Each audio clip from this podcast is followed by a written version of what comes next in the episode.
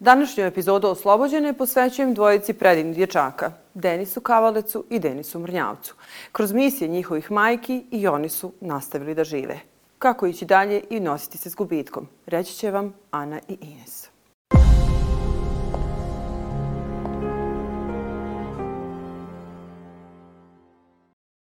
15 godina je prošlo od svire pogubistva predivnog dječaka Denisa Mrnjavca, ali bol ne prolazi ni danas. Danas sa mnom u studiju jedna predivna žena, majka, usudit ću se reći i kraljica Ana Mrnjavac, Denisova majka. Dobar dan i prije svega hvala vam što ste pristali da dođete u Oslobođenu.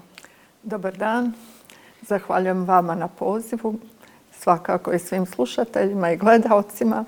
I ovaj, šta reći osim veliko hvala što i na ovaj način čuvate uspomenu na mog dragog sina. Ja kada sam e, krenula da istražujem o toj cijeloj priči, ono što je mene u stvari iznenadilo je što je e, prošlo 15 godina, čini mi se da se nekako o tome pričamo samo onane dane kad je godišnjica. Spomen ploča još uvijek nije tu i evo, moja lična misija će biti da u narednom periodu ja budem uz vas da nekako dođemo do toga da bar neke stvari završimo. Zašto toliko čekamo i šta je toliko usporilo taj cijeli proces? Pa evo, znamo zapravo gdje živimo. Kompletno prostor ove države je takav. Sve je pomalo inertno, usporeno. Mislim da ti glavni koji bi, da kažem, trebali poduzeti neke i konkretne korake, prije svega mislim na, na te vladajuće strukture, prosto kao da e, nisu posebno zainteresirani. Mislim da je ova tema i uopće, da kažem, obilježavanje ovog događaja i tema vršnjačkog nasilja na neki način periferna tema u, u današnje vrijeme. Pogotovo, evo, svi se nekako bave sobom, svi se bore za neke svoje pozicije u političke, u društvu, na radnim mjestima i tako. A, a ovaj, znači, drugi jedan segment, prosto niko nema interesa da se bavi, jer kao što evo, iz nekog dosadašnjeg iskustva iz ovih 15 godina, mogu i sama zaključiti, znači to je nešto što što ne donosi nikakav niti profit, niti prihod, a zapravo mislim da i ne dopire do svijesti mnogih, jer ovaj nije sve ni u tom novcu, jer ovaj buđenje svijesti i, i neko pozitivno djelovanje, da kažem, na te mlade generacije, mislim da, da je toliko značajno i da to nema svoju cijenu. Tačno. Upravo zato hvala vama što pričate o tome, jer e, u, imati hrabrost i u tom, cve, tom svom bolu razgovarati o tome, govori o tome da vi u stvari dozvoljavate Denisu da i dalje živi i da ta misija e, podsjećanja na prave vrijednosti nekako bude e, uvijek među nama. Da li je s godinama postalo lakše? Ne, ne, zaista. Mogu reći svaka godina je sve teža i teža ovaj, kao i prvog dana čovjek ne može prihvatu, da kažem, surovu istinu, tu stvarnost. Još uvijek ne mogu vjerovati da se to desilo. Još uvijek kao da iščekujem njegov povratak iz škole, njegov dolazak. Ja, za mene je zapravo u tom trenutku i vrijeme stalo. Ovaj, u početku mislila sam da sam dovoljno jaka i da se mogu nositi sa svim nevoljama ovog svijeta. Međutim, ovaj, to je nešto što, što je zaista jače, mislim, ne samo od mene, nego i od svake majke koja izgubi dijete. Denis je bio mo, moj jedinac, znači jedino dijete i, i nekako, da kažem, moja vodilja kroz život i kroz svijet. S njegovim nestankom i gubitkom ja prosto sam pogubljena. Evo mogu reći, ovaj, nastojim i trudim se biti jaka, nastojim ovaj, i kroz svoje neko djelovanje i rad sačuvati uspomenu na svog sina, ali ovaj preteško je zaista. Ko je vaš sistem podrške? Ko je, ko je, ko je tu za vas sada kada ste ostali sami? Pa evo, da budem iskrena, moji roditelji su uvijek bili moja najveća podrška i oni su bili uz mene uh, od mog, da kažem, najranijeg djetinstva i odrastanja pa do dana današnjeg. Denis je također bio njihov cijeli svijet moja mama je tako ovaj, teško to prihvatila i podnijela. Ona je dobila jako težak moždani udar i od tog perioda ona je invalid u kolicima i zapravo naši su život potpuno se promijenili i dobili jednu novu dimenziju, naželjenu naravno.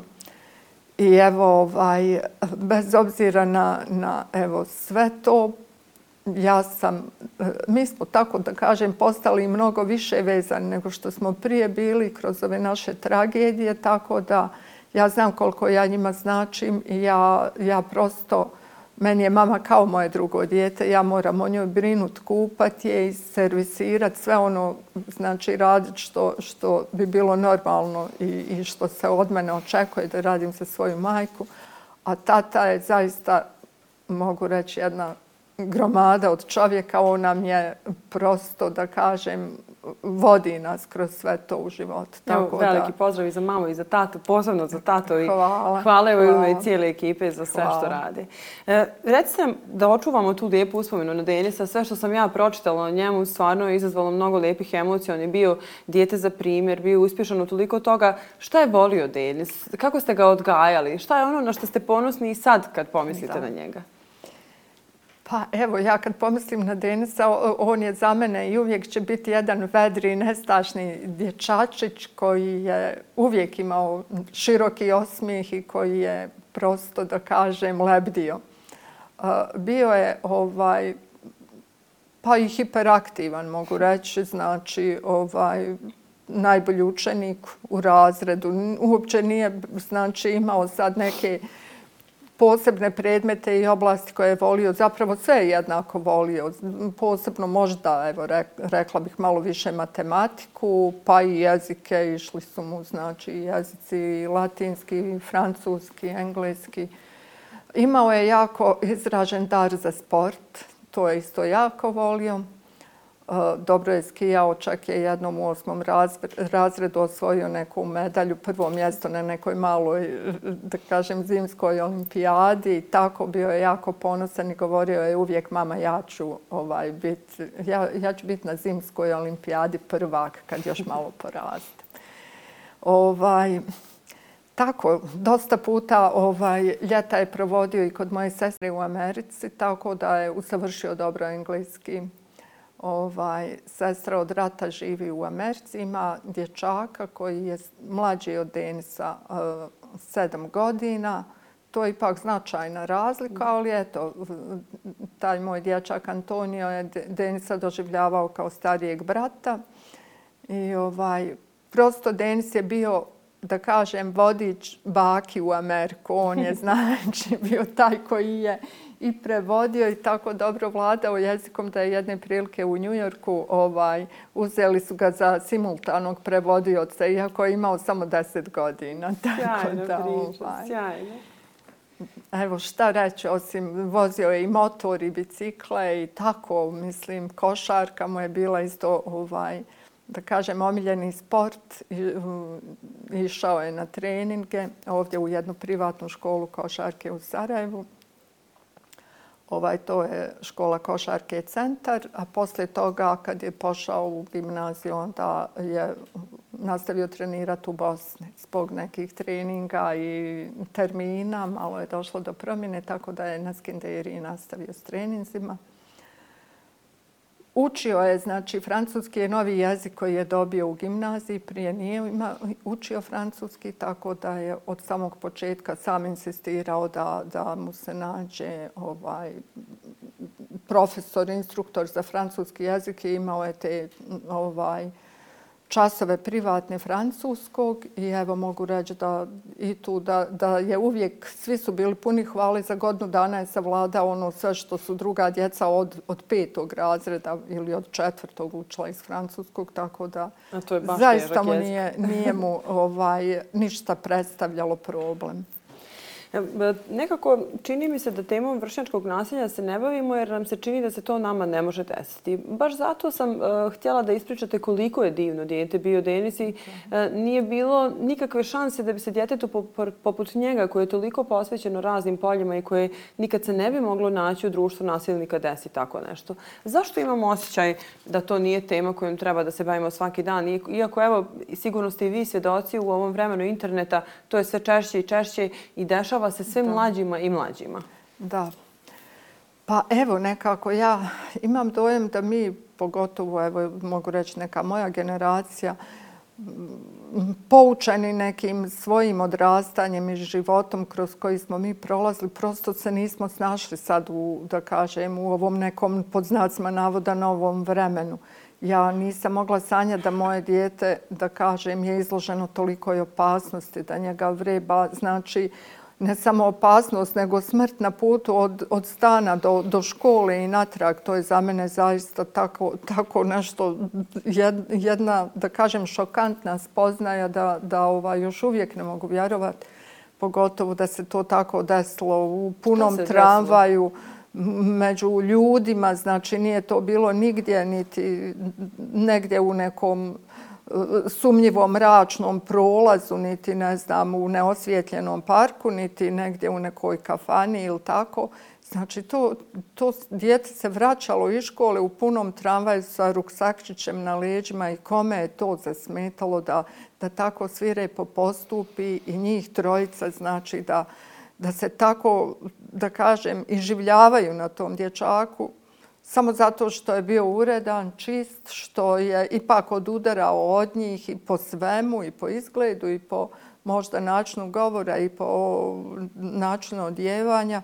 Zar je to neko moglo zasmetati u toj mjeri da, da, da neko nekog ubije? Ja to zaista još ne mogu ovaj, prihvatiti, ne mogu pojmiti, ne mogu ovaj, I da niko nije odreagovao u punom I niko, tramvaju. Da, to, to govori kakvi su ljudi i ovaj, da li nas je ovaj rat učinio tako da kažem grubim, bez imalo empatije, bez imalo osjećaja ili ja već ne znam šta je, ali mislim da u vrijeme kad sam se ja vozila tramvajem, to je bila druga priča, potpuno druga priča. Tako da ovaj...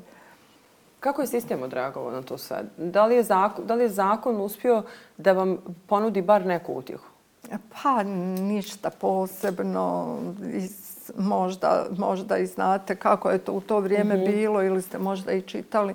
Pa evo, svi su se digli. To, mislim da su tad bili najveći protesti yes. uopće u Sarajevu. Zaista to, svi su bili šokirani, svi su osuđivali taj čin. Pa na kraju, evo, bilo, bilo su ponovo neki prosvjedi nakon toga koji su, da kažem, evo, ja sam čula namjerno, ovaj, ugušeni, zaustavljeni među te ovaj, e, ljude ubačena je neka skupna da pravi nerede i znate kako to već kod nas kad hoće nešto da se prikaže i da dobije sasvim drugu konotaciju, onda to ovaj tako i bude. Tako da, ovaj, mislim, vrlo ružno se to završilo. Bacali su kamenje, jaja po, po zgradi predsjedništva i tako što stvarno nedoliko je takvom skupu, nedoliko je skupu koji želi ukazati na, na taj, te vrste problem i pogotovo ovaj, mene je sramota i, i pomisliti na to da takvi, recimo, predstavljaju, repre, da su oni okay. reprezenti mog sina. To je stvarno nešto što, što je absurd potpuni. E, nositi se s takvim gubitkom sigurno nije lako. Evo, sigurno sam da će i majke koje prolaze kroz slične situacije zanimati gdje ste uspjeli da pronađete snagu. Odnosno, e, kako je bilo ustati jutro nakon i svako jutro ovih 15 godina? Svako jutro je teško i zaista ovaj, vrijeme ne liječi ništa, to mogu reći. I mislim da svaka majka, mislim evo ja govorim o majkama, obzirom da sam ja majka i ovaj, svaki roditelj, evo da se ispravim, prosto tu neku snagu mora naći u sebi samom. Jer ovaj, mislim da, da, da ovaj, izvana ma koliko se mi trudili i pokušavali, pa čak vjerujte u takvim nekim teškim situacijama i oni najbliži prijatelji ponekad vam okrenu leđa jer kao njima je to preteško, ne žele, ne žele se oni suočiti s vama iz razloga da oni to ne bi valjda probudili neku bol u nama, a zapravo ne znaju koliko je koliko je svakoj majci u, u tom stanju potrebno, znači i prijateljstvo i, i, i, i ovaj, prosto neka topla, normalna riječ utjehe. Ja sam u početku e, tu gdje sam radila išla kod jedne doktorice koja je ovaj, bila neuropsiholog i ona je e, znači vrlo fina gospođa. Ja sam svaki put kad odem kod nje, vjerujte mi, morala sam, morala sam se psihički pripremiti za taj odlazak na razgovor jer je i ta doktorica izgubila sina i onda ja kad odem kod nje nas dvije prvo plačemo i to su dvije tragedije, ne jedna. I zaista, zaista mi je bilo vrlo teško. A onda poslije kad sam evo, pričala sa, kako je mama dobila moždani udar sa, sa, sa maminim doktorom, evo, obzirom da je on toliko, mislim, upoznat sa ovom cijelom situacijom i tako, prosto, prostor nam se nekako i prijateljski približio, ne samo kao liječnik, tako da evo, postali smo i kućni prijatelji, obzirom da je mama nepokretna pa i dolazi kući, znači na ovaj, obavlja te preglede on mi je rekao, ovaj, Ana, uz dužno poštovanje, ali ovaj, vama ne treba neko ko je tužan kao vi. Jer ovaj, dosta je vama na vašim plećima jedne tuge, a druga tuga, to, to, to je vama preteško da biste mogli nositi i iznijeti sami. I kaže, evo on mi je malo sugerisao, znači da prosto evo čitanjem knjiga, onda nekim da kažem da se družim samo sa pozitivnim ljudima, sa ljudima koji su znači onako ovaj veseli, koji unose da kažem prosto neku pozitivnu energiju u prostor i tako da da ovaj takvi ljudi su da kažem lijek za svakoga pa pa i za ranjenu majku. I evo, ovaj, ma kako to, da kažem, možda izgledalo sad ovaj, i, i, i možda nerealno, ali trudila sam se da, da ovaj se ponašam u skladu sa tim nekim ovaj preporukama. Eh, zapravo ne mogu reći da sam ja počela izbjegavati ljude, ali zaista imate vi pojedine ljude koji negativno na vas utiču da. i šire negativnu energiju i, i ovaj takvi vas naprosto, da kažem, iscrpljuju i da, i da nemate svoju tragediju. Evo, nastojala sam se malo kloniti takvih, mada evo nešto u mom okruženju takvih i nema na svu sreću.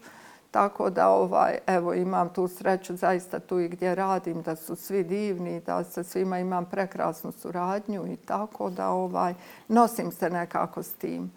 Ali u jednom trenutku sam sebe sam zapisa, zapitala čemu uopće smisao i svrha mog života.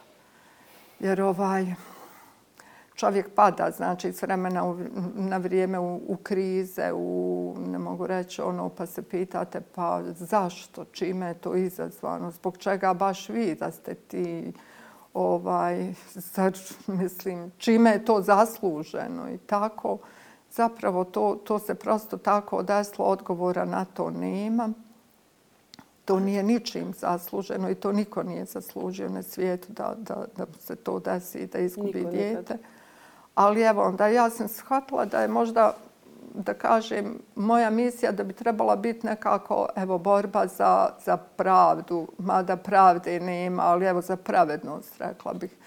Jer ovaj, i evo, ja sam u, u, u svojoj firmi napravila jedan sindikat, znači borim se za radnička prava, borim se u svakoj situaciji gdje mogu da se borim i gdje moj glas bilo šta znači, ja sam tu da se borim jer ovaj smatram evo sve što učinim, pa makar to bilo iz nekog da kažem, mog nekog mikroprostora, da je to ipak neki pomak i da, da sam nešto uradila pozitivno i dobro. Ne, ne za cijelo čovječanstvo, ali ipak za neke ljude, da. Slušajte, najmanja promjena može dovesti do velike, tako da svaka da, čast da. za svaku vašu borbu. Da. Evo, kad smo kod borbe, e, tu je i nagrada Denis Mrnjavac. Recite nam nešto više o toj nagradi. Kome je namijenjena, kako se dodjeljuje, koliko da. vam znači?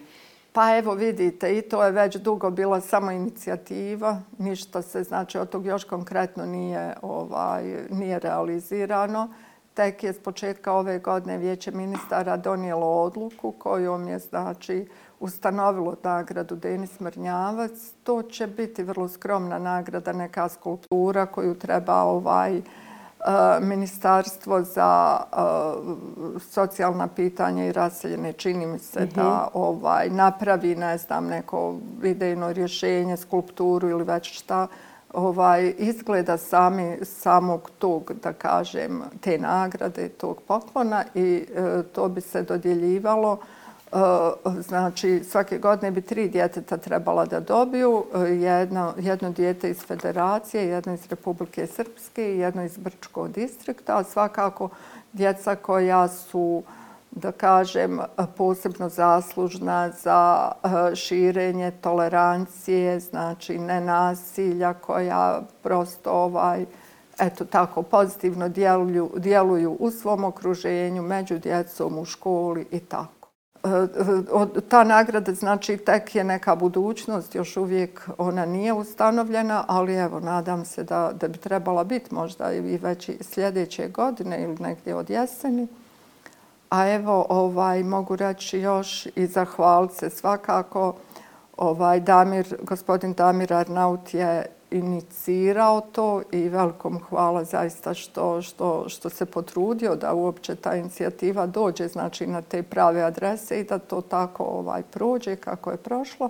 A posebno se zahvaljujem i, i gospođi profesorci Jasni Duraković koja je, evo da kažem, inicirala i uspjela se izboriti za to da se upravo dan znači eh, ubojstva mog sina 6. februar proglasi za danom borbe protiv vršnjačkog nasilja u kantonu Sarajevo.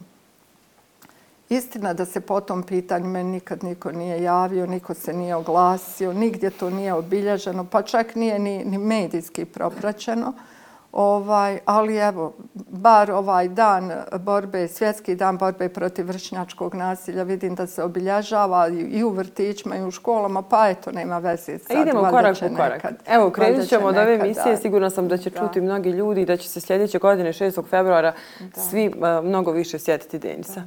A evo i gradonačelnica, gospođa Benjamina Karić, obećala izgradnju ovaj spomen obilježja, tako da... Držimo je za riječ. Zahvaljujem. Da. Evo, recite mi, da li vam se javljaju e, roditelji sa sličnim iskustvima koji prolaze kroz vršnjačko nasilje? Da li da. uopšte imate kapacitet da nosite i tuđe terete? Pa evo, da, imala sam priliku ovaj gospođa Jasna, uh, uh, Vesna Ciković, ona je izgubila isto tragično sina u Kanadi. Znači, oni su sa Rajlije koji su otišli kao izbjelice u Kanadi i njen sin je na povratku, znači, sa tenisa, ubijen u nekom parku i ona je to isto jako teško podnijela i prihvatila i ona mi se javila prvi put kad je došla u Sarajevo. Tako, vrlo, vrlo je to bolno i teško. Moja prijateljica isto koja živi u Milanu izgubila je sina i evo kad god dođe i kad je godišnjica njenog sina, a ona nije tu, onda ja idem na groblje i obilježavam taj dan iza njenog dječaka. Darija. Tako da ovaj, još par njih se javljalo, ali to je manje više bilo telefonski, nismo imali neke bliske ovako susrete, kontakte. Sve u svemu, evo, šta mogu reći, da ovaj, e, prosto, prosto bi me bilo i strah reći roditeljima nakon te vremenske distance koji je to osjećaj, jer ovaj, u početku vi se još nekako i ne snalazite u svemu tome i niste ni svjesni da se to desilo. Ali vremenom zaista bol je sve veća i veća. E, koliko vam rad u fondaciji pomaže da se iznosite sa svim tim? Nosite li neke lijepe priče iz fondacije? Pa evo da vam kažem i ta fondacija to je bilo nešto kratkog vijeka. Uh mhm. -huh. Znači, e, nju su e, osnovali Denisovi prijatelji, to su bili dječaci, zapravo djeca i ja sam bila uz njih svakako neko ko je evo, pomogao i, priliku, i u osnivanju i u svemu ostalom. Međutim, ovaj, ta djeca su nekako krenula svojim putevima, mnogi nisu tu, negdje su vani po bijelom svijetu, završili fakultete, osnovali svoje porodice, tako da mogu reći ta fondacija je zamrla. Ovaj, nekako nisam ja tu fondaciju ni zamišljala sad u tom mhm. nekom smislu da to bude ono fondacija, fondacija. Nego evo, to je bilo više kao ovaj, inicijativa djece, oni su se tako izorganizirali i to je tako išlo, da kažem, neko vrijeme, što ne znači da opet neće to biti aktivirano i da se možda i ja neću malo ozbiljnije u svemu tome uključiti. Ovaj, rekla bih još tek kad se to desilo da je formirana fondacija i u katoličkom školskom centru gdje je Denis išao u školu. I evo ta fondacija je možda radila i djelovala nekih 4-5 godina.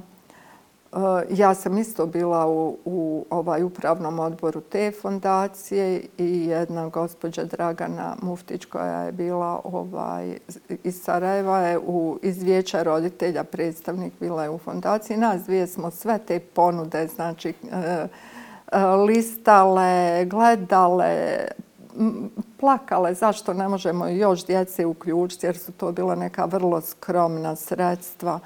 I vjerujte, e, mučno mi je bilo rad u toj fondaciji iz jednog prostog razloga što, što je to sve na kraju spalo da ja pišem pisma, da se ja obrećam, da ja prikupljam sredstva kojih nema i tako pored škole, pored, pored ko zna kakvih sve mogućnosti i načina da se dođe do tih sredstava, recimo, ali evo, zadnji put mi je zaista bilo ovaj, jako nešto teško i žao, ali uspjeli smo neku tu generaciju, znači koja, prva koja je dobila tu stipendiju, istjera do kraja i ovaj, da propratili smo znači te neke četiri godine školovanja i onda na tom, kad, kad je došlo do promjene, znači u rukovodstvu fondacije, ja sam tad ovaj, dala ostavku jer prosto to me previše i psihički i fizički iscrpljivalo, a smatrala sam da ovaj ne mogu tu mnogo dati.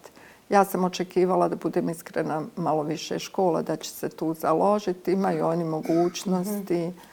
Imali su i dane otvorenih vrata, i dan škole, i nekih ovaj, manifestacija gdje su mogli znači, i obećavali su svakako da će se prikupiti sredstva i za tu fondaciju. Međutim, To, to je samo bilo onako neko puko obećanje, šta više napravljena i neka maketa, neki izgled e, kao spomen obilježje u krugu same škole, međutim to je ostalo samo na maketi, tako da... Nadam se da, da će nas čuti i da će svoje obećanje ispuniti. Pa kad tad? Da. Evo, e, što vi mislite kao neko ko je prošao kroz tako užasno iskustvo, e, kolika odgovornost leži u porodici, odnosno u roditeljima kada je u pitanju porast vršnjačkog nasilja? Odakle da krenemo? Šta je potrebno da mi kao mediji radimo? Sistem, ro, porodica, škola? Pa ja mislim da sve polazi od porodice. I ja sam zapravo ne da mislim, nego sam sigurna da je tako. E, ja mislim da ovaj roditelji već od e, dobro se sjećam nekad sam negdje pročitala kad je e, majka koja je dobila ne znam dijete od par mjeseci odšla kod nekog doktora psihologa razgovarala i pitala kad počinje kad ja treba da krenem sa učenjem e, ovaj kad počinjem učiti e, svoje dijete bebu nečemu kaže, gospođo, vi ste već zakasnili. Znači, e, tom djetetu se treba posvetiti i, i pričat malte ne dok je još u stomaku. Prema tome, ovaj, imati dijete smatram da je velika odgovornost, velika obaveza, ali i najveća sreća moguća na svijetu. I smatram da ovaj to vršnjačko nasilje, da, da ovaj, zapravo vuče korijene upravo tu, znači e, e, iz porodice zbog, evo, mogu reći, ovaj, odsutnosti roditelja u odgoju djece. Ja bih to tako rekla. Jer ovaj, smatram svaki pravi roditelj mora s djetetom prije svega napraviti takvu komunikaciju, znači uspostaviti neki otvoren, iskren, prijateljski odnos prosto biti djetetu podrška i u svakom trenutku oslušnut, znat oslušnut to djete i kad ne priča šta misli i šta osjeća.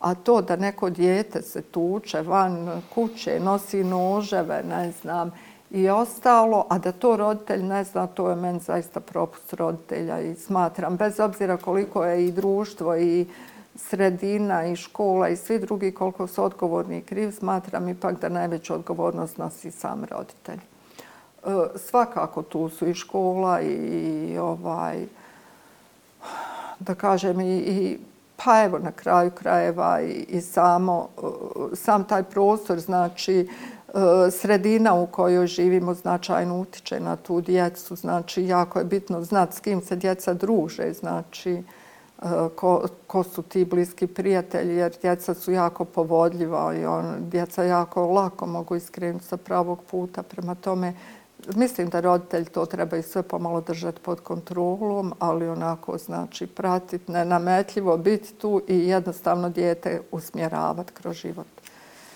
Što se tiče vlasti, evo znamo da sve nam je otprilike slično. Znači, kao i u svim segmentima i u svim sferama, tako i ovdje vlast je prilično zakazala. I svi misle to se ne dešava meni, to je nešto, neko pitanje koje je potisnuto, negdje marginalizirano potpuno. Ali evo, i ja nisam mogla sanjati da se to može desiti meni, a desilo se. Desilo se. Hvala vam, Ana. Hvala vam za sve što ste podijelili sa nama. Hvala vam što nastavljate misiju i čuvate uspomenu na Denisa. Evo, obećavam u ime cijele ekipe Oslobođene da ćemo biti tu za vas ne samo 6. februara, nego i svaki drugi dan. I evo, sigurna sam da je Denis ponosan na sve ono što ste vi uradili nakon njegove smrti. Hvala vam još Hvala vama. Hvala zaista veliko na, na svemu i na ovom razgovoru i na sjećanju, na vraćanju prosto o, o, ovog vremena i, i kad je moj Denis bio živi tako, kroz ovaj razgovor malo, malo je i ono živio yes. zajedno s nama. Trudit ćemo se da bude živ svaki dan.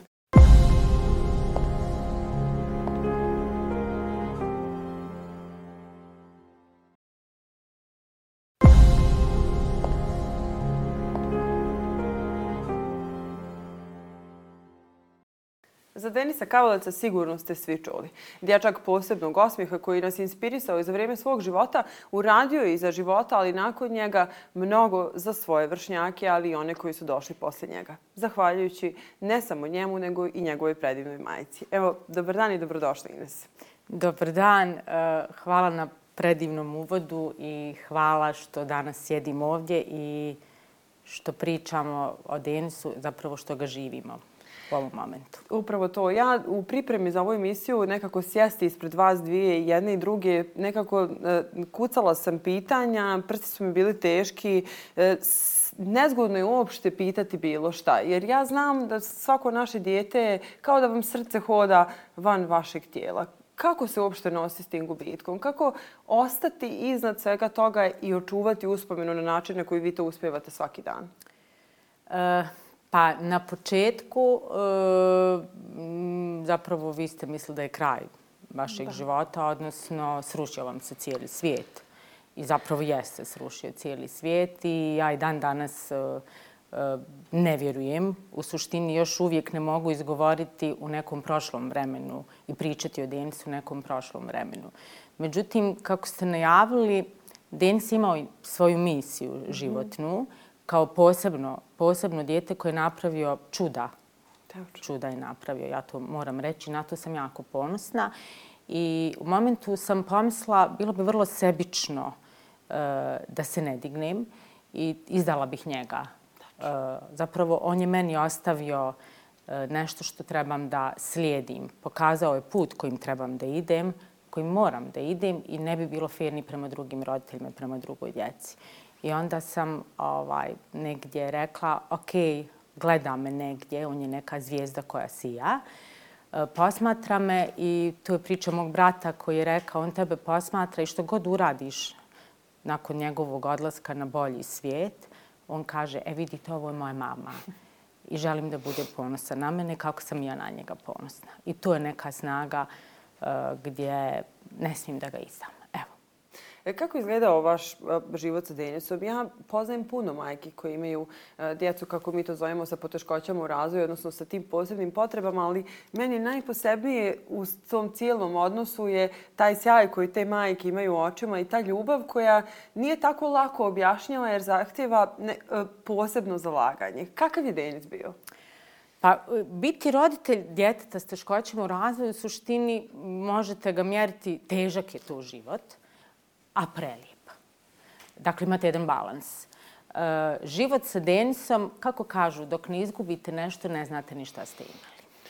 E, niste se osvrtali u stvari kakav vi to život imate. Znali ste prepreke, kako prijeći prepreke, kako biti dobar roditelj u smislu pružiti mu sve ono što mu treba, a što ne može sam. E, I to je bio neki život. U suštini sad ja e, život e, tih 20 prelijepih godina života je neko najveće bogatstvo koje sam mogla da doživim iz više razloga. Prvo zato što e, možete da volite, ali ono iz istinski, bez doze, kao kako i mama može da voli ovaj, biće koje je drugačije po nečemu. Razumijete neki potpuno novi jezik kojim vam dijete na drugačiji način pokazuje koliko vas voli, koliko vas zapravo treba i koliko cijeni ono što, što radite za njega. I ono najljepše jeste da, i to je ono što meni najviše nedostaje, to je taj osmijeh po kojem Denis jeste zaista bio ovaj poznat osmijeh koji je uh, kada ste naj, najtužniji, kada vam je najteže u životu i kada vam se nasmije uh, biće koje apsolutno nema trunke zla u sebi, ovaj, vi, vi zapravo vidite se onda mnogo pozitivnije. E, život sa Denisom je bio mnogo iskustva, ja bih rekla. To, nisu to nedače. To su iskustva koje su bile ispred mene i moje porodice i iskustva koje su nas obogatili. Mene su obogatili i mogu reći da prizma gledanja e, e, na život je skroz drugačija u odnosu možda na ljudi koji nisu imali tu, tu čast da budu roditelji djeteta sa teškoćama u razvoju. E, život sa Denisom, tu su bili up and down, up and down, e, ali u suštini e, zaista je Denis neko ko je meni davao energiju, zaista. Neko ko i dan danas mi daje i neko ko je moj životni pokretač. Bio, ostao i ostaće za uvijek. E, kako je izgledalo vaše suočavanje sa činjenicom da je Denis drugačiji od ostale djece? I koliko je to, vi imate još jednu čerku, Zaru, pozdravljamo je ovom prilikom, e, koliko imate, da li imate osjećaj da je ona možda u tom cijelom procesu zapostavljena? Pa kad, kad se suočite sa tom nekom dijagnozom uh mhm. -huh. koja je možda jedina u sistemu sigurna, jeli, u smislu da dobijete dijagnozu svog djeteta, naravno da vi to negirate, da vi to, bar ja pričam sad uh -huh, u mhm, svoje ime, mhm. ali to je 90% kod svih roditelja da vi ne vjerujete i ne želite da prihvatite Tako to. Je, dakle, Dens je djete koje je dobijen uh, izvan telesnom oplodnjom, uh, dakle, jedno željeno djete, uh -huh. djete koje je rođeno u šest mjeseci moje trudnoće, dakle, od, od tog momenta kreće ta jedna životna borba, odnosno borba opstanka jednog, jednog divnog Denisa. I ta njegova snaga je od tog momenta pokazao koliko je jak i koliko je odlučan da želi da preživi, da želi da živi, odnosno da završi očigledno svoju misiju koju je, koju je dobio. Četiri godine su bile godine pakla. Dakle, apsolutno nisam prihvatala da, da je Denis drugačiji. Ono očigle, vrlo je očigledno bilo da jeste drugačiji u smislu njegovog razvoja, svega onoga što imamo, nek, jel, što se prati. Uh, nisam željela da prihvatim. Bježala sam od ljekara. Sreća suprug je bio mnogo u tom momentu stabilniji, pa smo mhm, -huh, odlazili uh -huh. na te obavezne ljekarske preglede. Međutim, nakon četiri godine dogodio se neki klik, prosto ne znam ni koji, e, gdje sam ja onda apsolutno prihvatila, potpuno prihvatila da je Denis drugačiji i organizovala svoj život u skladu sa njegovim potrebama i, i svem onome što je, nosi jedan život koji ja zovem život, život različitosti. Uh, tačno je da ovaj da djeca, tipična djeca unutar porodice koji imaju brata ili sestre s teškoćama u razvoju i te kako ostaje, osjete pod znacima navoda nedostatak vremena njihovih roditelja. Zapravo Zara nas u tom nekom ranom djetinstvu nije imala onoliko koliko nas je trebala. Ne zato što smo niti suprug, niti ja to radili namirno, što nam je bila višak. Naprotiv, ona je neko koje koja je napravila balans u našem životu, pa smo živjeli dva sistema. Sistem različitosti sistem tipičnosti. Ali prosto Denis je bio neko koga, za koga ste morali mnogo toga da radite da bi opstao i da bi preživio i onda e, nekako niste se ni osvrtali na to da li zadovoljavate potrebe Zare koje je kako kao djevojčica, a sad je već djevojka, imala sigurno da trpe i sigurno da jedna od mojih e, životnih ciljeva jeste ukazati roditeljima da ne smijemo od jednog tipičnog zdravog djeteta napraviti sutra možda djete koje će imati nekakvu vrstu uh, problema samo zato što uh, se posvetimo apsolutno i samo jedino djetetu sa teškoćama u razvoju. Nekako čini mi se da moramo naučiti da postoji uh, dokle može, ovaj, a da moramo biti moramo naučiti balansirati zapravo i to je možda nešto što je i najteže unutar ovih populacija, kako biti, uvijek se pitate, Dakle, mislim da se tu svi roditelji mm -hmm. pitaju da li yes. sam dovoljno dobar roditelj, dovoljno dobra mama. Ovaj, ali moramo naučiti e, balansirati e, u smislu da se ništa neće dogoditi ako se danas posvetite tipičnom djetetu, a djete s teškoćom razvoju pustite da radi ono što može i koliko može. E, tako da, možda sad što ću reći, ali to smo i Zara i ja pomisle prvi dan kad se to dogodilo, da brat mi je ostavio vrijeme da imam tebe i tatu mnogo više nego što sam do I Zara je divna. Pozdravljamo i nju. Stvarno, e, toliko emocija u jednoj emisiji. Mislim da ono, da, nakon ovoga, otprilike jedno mjesec dana će mi treba da, da kao da saberem sve utiske, ali e, ta ljubav koju donosite e, i pričan koju vi pričate, jako je važno da je čuju ne samo roditelji s posebnim potrebama, nego svako od nas i sa tipičnom djecom i oni koji planiraju potomstvo, jer ta žrtva je dio svih nas u suštini. Vi se odrečite jednog dijela sebe da bi odgajali, ali vi ste otišli korak dalje. E, osnovali ste centar kako biste pomogli i drugim roditeljima. Recite nam nešto u centru, koliko postoji, kako je došlo uopšte do te ideje i koliko vam to pomaže i danas e, kada Denis gleda sve to što vi radite s nekog boljeg mjesta? Pa, e, kao roditelj, jel, djeteta sa teškoćama u razvoju, upali ste u taj neki potpuno novi zapravo svijet gdje upoznajete sve oko sebe potpuno jedan dakle, nepoznat svijet. I e, primijetila sam zapravo kako mame koji dovodi djecu u školu, dje, pričamo o specijalnim školama, kako kad ostave djecu, tu su ispred škola, kako većinski broj mama ne radi, mm -hmm. kako su posvećene samo djeci, kako ovise od svojih muževa i tome slično, čemu ja nisam se osjećala da tome pripadam. Zapravo, to nije bio život kakav ja želim da živim i ne smatram da je trebam da tako živim zato što imam dijete koje drugačije po nečemu. To je bilo jedan od razloga zbog možda neljudskosti od strane nekih ljudi koji su mm -hmm. čak iz njihova profesija jeste usko vezana za rad sa djecom s teškoćom u razvoju, potpuno jedno nerazumijevanje prema vama kao roditelju koji imate djete s teškoćom u razvoju, zapravo podrazumijevalo se da ste vi njima na usluzi. Mm -hmm. Mene to ljutilo. Eh, ja sam nekako tip eh, vrlo emotivan i pogađaju me stvari i znam da padnim, ali se nakon toga dižem još jača. I jesam tad i odlazla plačući kući više puta i onda sam rekla stop, ovo ne može ovako. Pa ove mame vrijede. Ove mame uh, trebaju jedno poštovanje. Ove mame mogu biti korisne za društvo, za sebe i ne trebaju da budu ispred škole. I sa par roditelja na ideju smo došli, ne postoji niti jedno udruženje, tad nije postojalo, koje se bavilo porodicama, koje se bavilo roditeljima, nego samo smo se bavili djecom.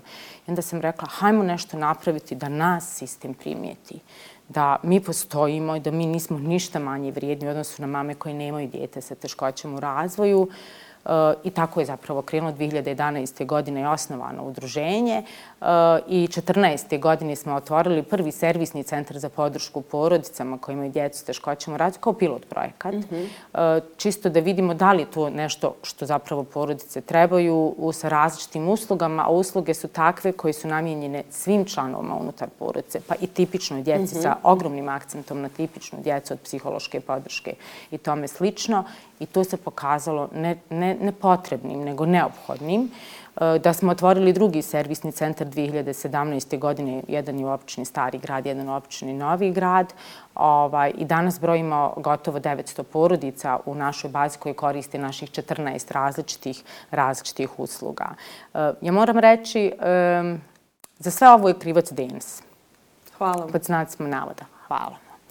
E, zapravo, to je njegova misija on je taj koji mene pokretao, odnosno da nije takav bio kakav jeste, pun energije, koji nije, dao, nije vam dao mira da sjedite, da, da tugujete, da, da ste depresivni, što, što je bilo više razloga za tako nešto, ovaj, zapravo on je pokrenuo suštinski zaista, to, to tek sad zada, zapravo i znam.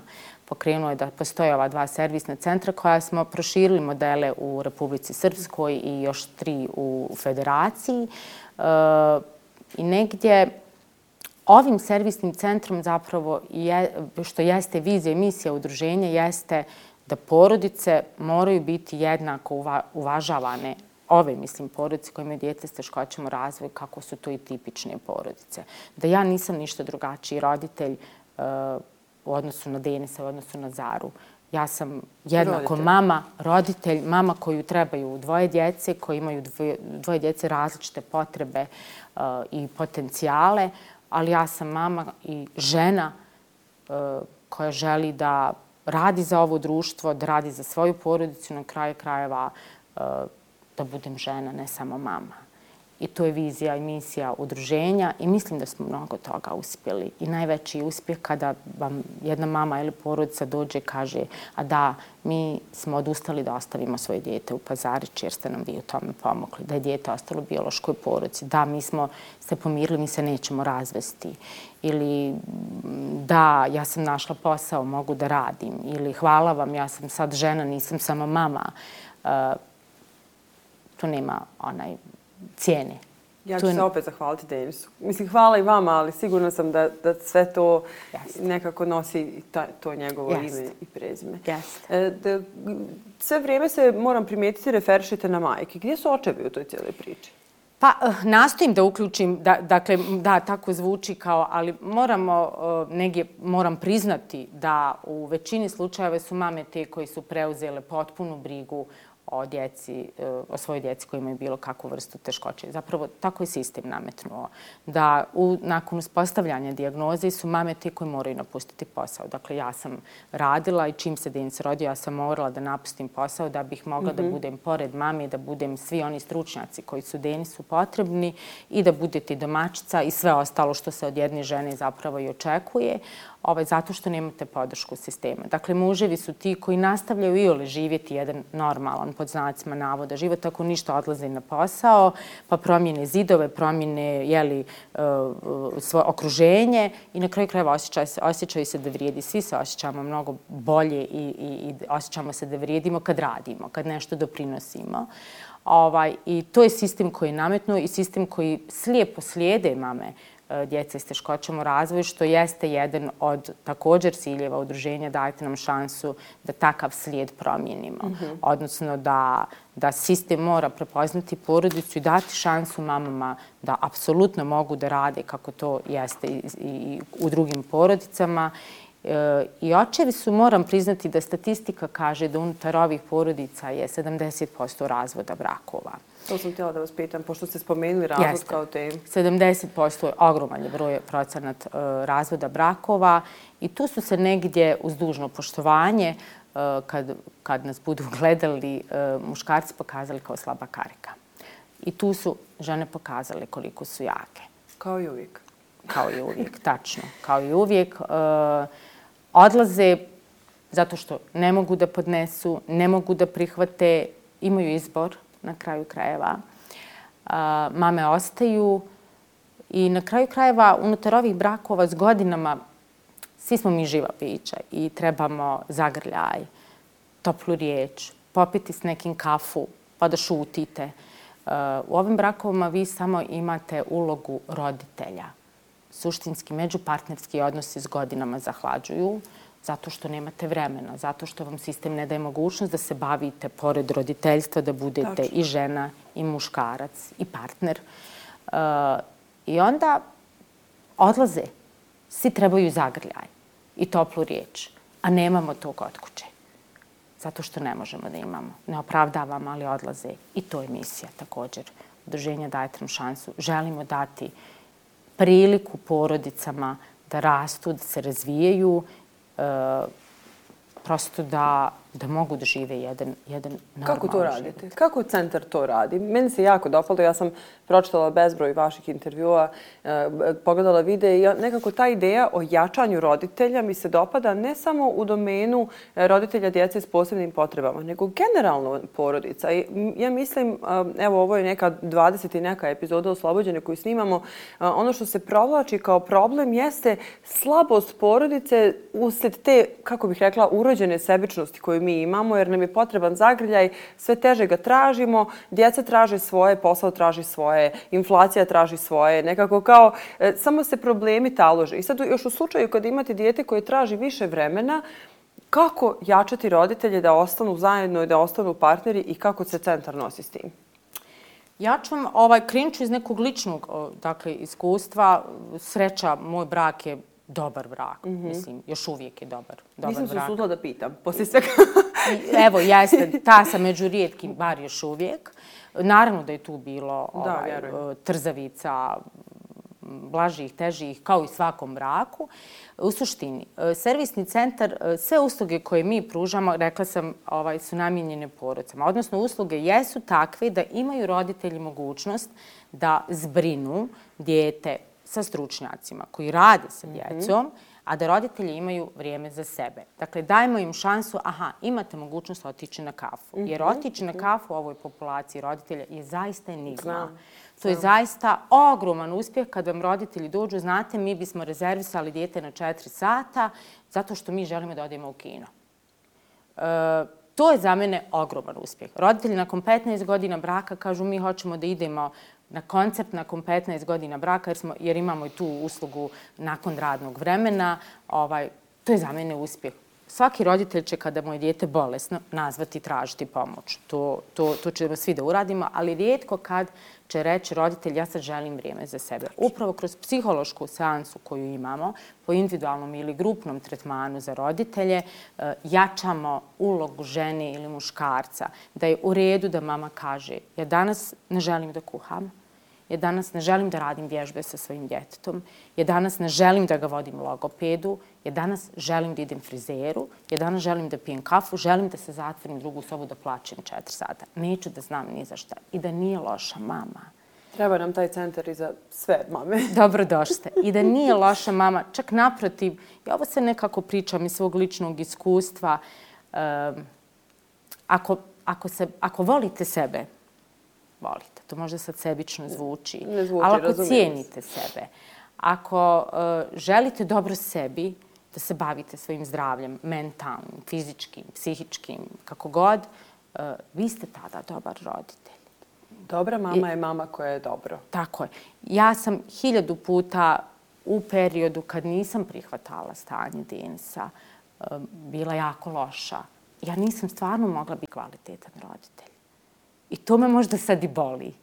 E, nisam mogla jer vi negirate. Ne želite zato što se bojite. E, a u suštini, kad stanete i kažete, ok, tu sam gdje sam, e, imam pravo na kafu, na frizuru, na kafanu, na što god volimo, imam pravo i nisam loš roditelj. Svi se mi bojimo nekako neko će naglas priznat, neko neće, ali uvijek se osvrćemo šta će drugi reći. Mislim da živimo po tom nekom modelu koji nije nimalo ispravan. Ukoliko mi znamo da, da smo ispravni prema svom djetetu, da mu dajemo sve što treba, ne treba nas interesovati šta će drugi da kažu. I upravo radimo kroz te seanse, kroz usluge gdje imaju mogućnost roditelji E, da ne da ostavi, nego da dijete boravi sa stručnjacima gdje se radi edukacija, rehabilitacija, ovisi od, od potreba djeteta, a da roditelj mirno može otići i baviti se svojim tipičnim djetetom. Mi smo napravili jednu od usluga, kratki predah, gdje mogu na 24 sata zbrinuti dijete. Dakle, da dijete prenoći, upravo da bi mogli biti roditelj drug, prijateljica svom tipičnom djetetu, da bi sa suprugom mogli otići na neko kratko putovanje. Jer to je nešto što svaki brak treba. Ne možemo um, biti samo u ulozi roditelja, ne možemo se izdržati čitav, čitav period. Moramo biti sve drugo. Ne da moramo, nego imamo potrebu za tim ljudska smo bića. E, koliko smo mi kao društvo, tema inkluzije zahtjeva posebnu emisiju i sigurno ćemo se kroz oslobođeno baviti time, ali evo, kroz primjer Denisa, koliko smo mi kao društvo e, spremni da prihvatimo drugačije od sebe? Ja kroz obrazovanje svoje čerke primjećujem e, da sve češće oni su u društvu djece koja imaju neke posebne potrebe i donesu neku posebnu radost i u njihovu okolinu. Primijetila sam i na sahrani Denisovoj je bilo jako puno ljudi. On je svuda izazivao samo pozitivne emocije emocije, ljubavi, emocija koja je pratila njega, e, kako da budemo još bolji prema toj djeci i da na kraju krajeva i mi svojim prihvatanjem e, produžimo njihov boravak na zemlji? Pa, ako bismo se osvrnuli nekih 10-15 godina unazad, uh, ogromno, postoje zaista ogromne mm -hmm. promjene. Kako ste rekli, sve češće pričamo o inkluziji i sve više vidimo djecu s teškoćama u razvoju da idu u redovne škole, mm -hmm. dakle oni koji to mogu. I imamo mi tu i roditelja koji negiraju, i odnosno koji nisu baš radi da vide svoje djete sa djetetom koje je različito po nečemu zato što se oduzima vrijeme ili ne tome slično. To je ogroman benefit za vašu kćerku i za svako drugo djete zato što Eh, nekako, kako kažu, od malena učimo. Uh, ako od malena učimo djecu na drugog i drugačijeg, po bilo kojem osnovu, mi stvaramo humano društvo, stvaramo socijalno uređenije, osvještenije društvo i onda nećemo imati niti vršnjačkog nasilja, tačno. toliko, niti toliko mržnje, niti toliko nerazumijevanja, nego ćemo imati mnogo veći prag tolerancije i prihvata i prihvatanja. I empatije. Tako je. I empatije. Pa od empatije krenimo od sebe. Zapravo, mislim da Tako sve je. i kreće od empatije.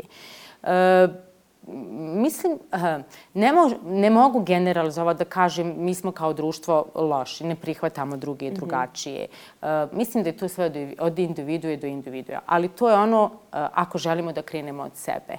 E, mislim da ukoliko želimo napraviti neke promjene, vi ste to dobro rekli kada ste malo čas razgovarali sa Anom, male promjene dovode do velikih promjena. Dakle, i ovo danas što mi razgovaramo, i hvala vam na tome, zaista je vid uh, podizanja svijesti. Je vid učimo druge da život ne vira, uh, da niko od nas ne zna šta nas sutra može dogoditi. Ne postoji garantni list ni za šta. Niti da nećemo postati roditelj djeteta s teškoćama razvoju, niti da nećemo izgubiti djete. Uh, niko o tome ne razmišlja, ali život nema garantni list ni za šta. I mislim da ukoliko, e, kako kažu, e, država, društvo je onoliko jako koliko vodi brigu o, naj, o najosjetljivijim. Moramo promijeniti samo prizmu, a to je sljedeći da i oni koji nemaju potencijala da možda će biti na, na tržištu rada, govorimo mm -hmm. djeci s teškoćama u razvoju, da, da mogu biti pod znacme navoda od koristi za društvo, oni nisu nikako teret. Oni nas zaista uče pravim istinskim životnim vrijednostima. I vraćaju na fabrička podešava. I vraćaju, tako je. U smislu, e, živimo u nekom haotičnom vremenu. Daj, daj, daj. Samo da imamo mnogo više, da smo na nekakvim pozicijama. Tehnologija je tu gdje jeste, društvene mreže su tu gdje jesu i sve skupa. I nikad nismo zadovoljni. Mislim, to se, to se događalo i meni. I pored pored da, da, svega. Svih lekcija. I ni, tako je. I nikad nismo zadovoljni. Hoću još. Želim još. A u suštini, uh, Denis je znao da nas vrati na fabričke postavke, kaže, ali pogledajte koliko imate. I zaista jeste tako. I mislim da različito treba društvo iskoristiti. Tako je. Bukvalno, iskoristiti kako bismo bili bolji društvo. Odnosno, kako bi to bilo tlo toliko plodno da, da, da nemamo stvari o kojima pričamo, o kojima ste pričali malo čas i da ne postoji ta mržnja koliko je sad zastupljena. Evo, za kraj, kako možemo mi pomoći udruženju Dajte nam šansu? Kako svako od nas pojedinačno može doprinijeti boljem osjećaju roditelja koji rade veliki posao i na kraju krajeva očuvati tu misiju vašeg sina? A nekako i jedan i drugi deni su pomalo i naši. Jesu, vaši su. I hvala vam na tome. E, mislim da su mediji, e, ne mislim nego jesu, kroz, evo, ja već mogu reći profesionalno se ovim bavim i, i aktivista sam zaista za, neka, za ljudska prava, da su mediji, pa ne mogu reći ključ, mm -hmm. ali mediji su zaista prevažni, e, recimo, evo konkretno za, za ovu temu. O, dakle, mislim da bi u medijima zastupljenost, da pričamo o drugom mm -hmm. i drugačijem, trebalo biti mnogo češća tema. Uh, da, da kao mediji, a to jeste jedan, evo, mislim da će se to ubrzo dogoditi, da ćemo imati dane otvornih vrata upravo za mhm, medije. Mhm. Da želimo da se direktno upoznaju i da čuju glasi drugih roditelja.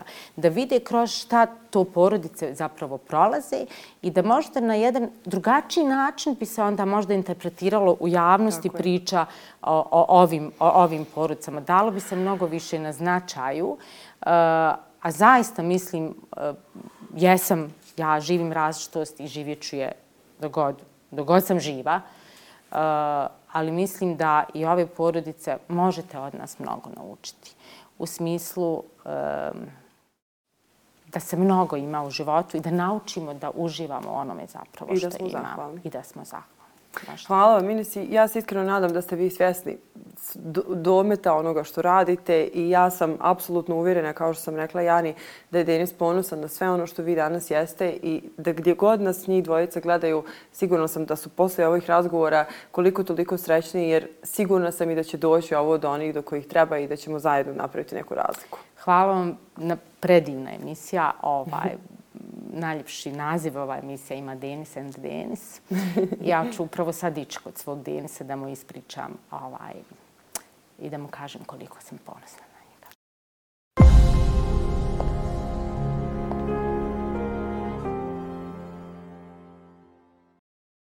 Splet nesrećnih okolnosti htio je da ostanemo bez oba Denisa, ali kao što ste mogli da čujete u ovim vrlo emotivnim razgovorima s njihovim majkama, ono što ostaje iza njih je veće od bilo čega. Ostaje misija da budemo bolji ljudi, da budemo bolji jedni prema drugima i da probamo da zajedničkim djelovanjem ovaj svijet učinimo boljim za one koji ostaju, ali i za one koji nas nekog boljeg mjesta danas gledaju.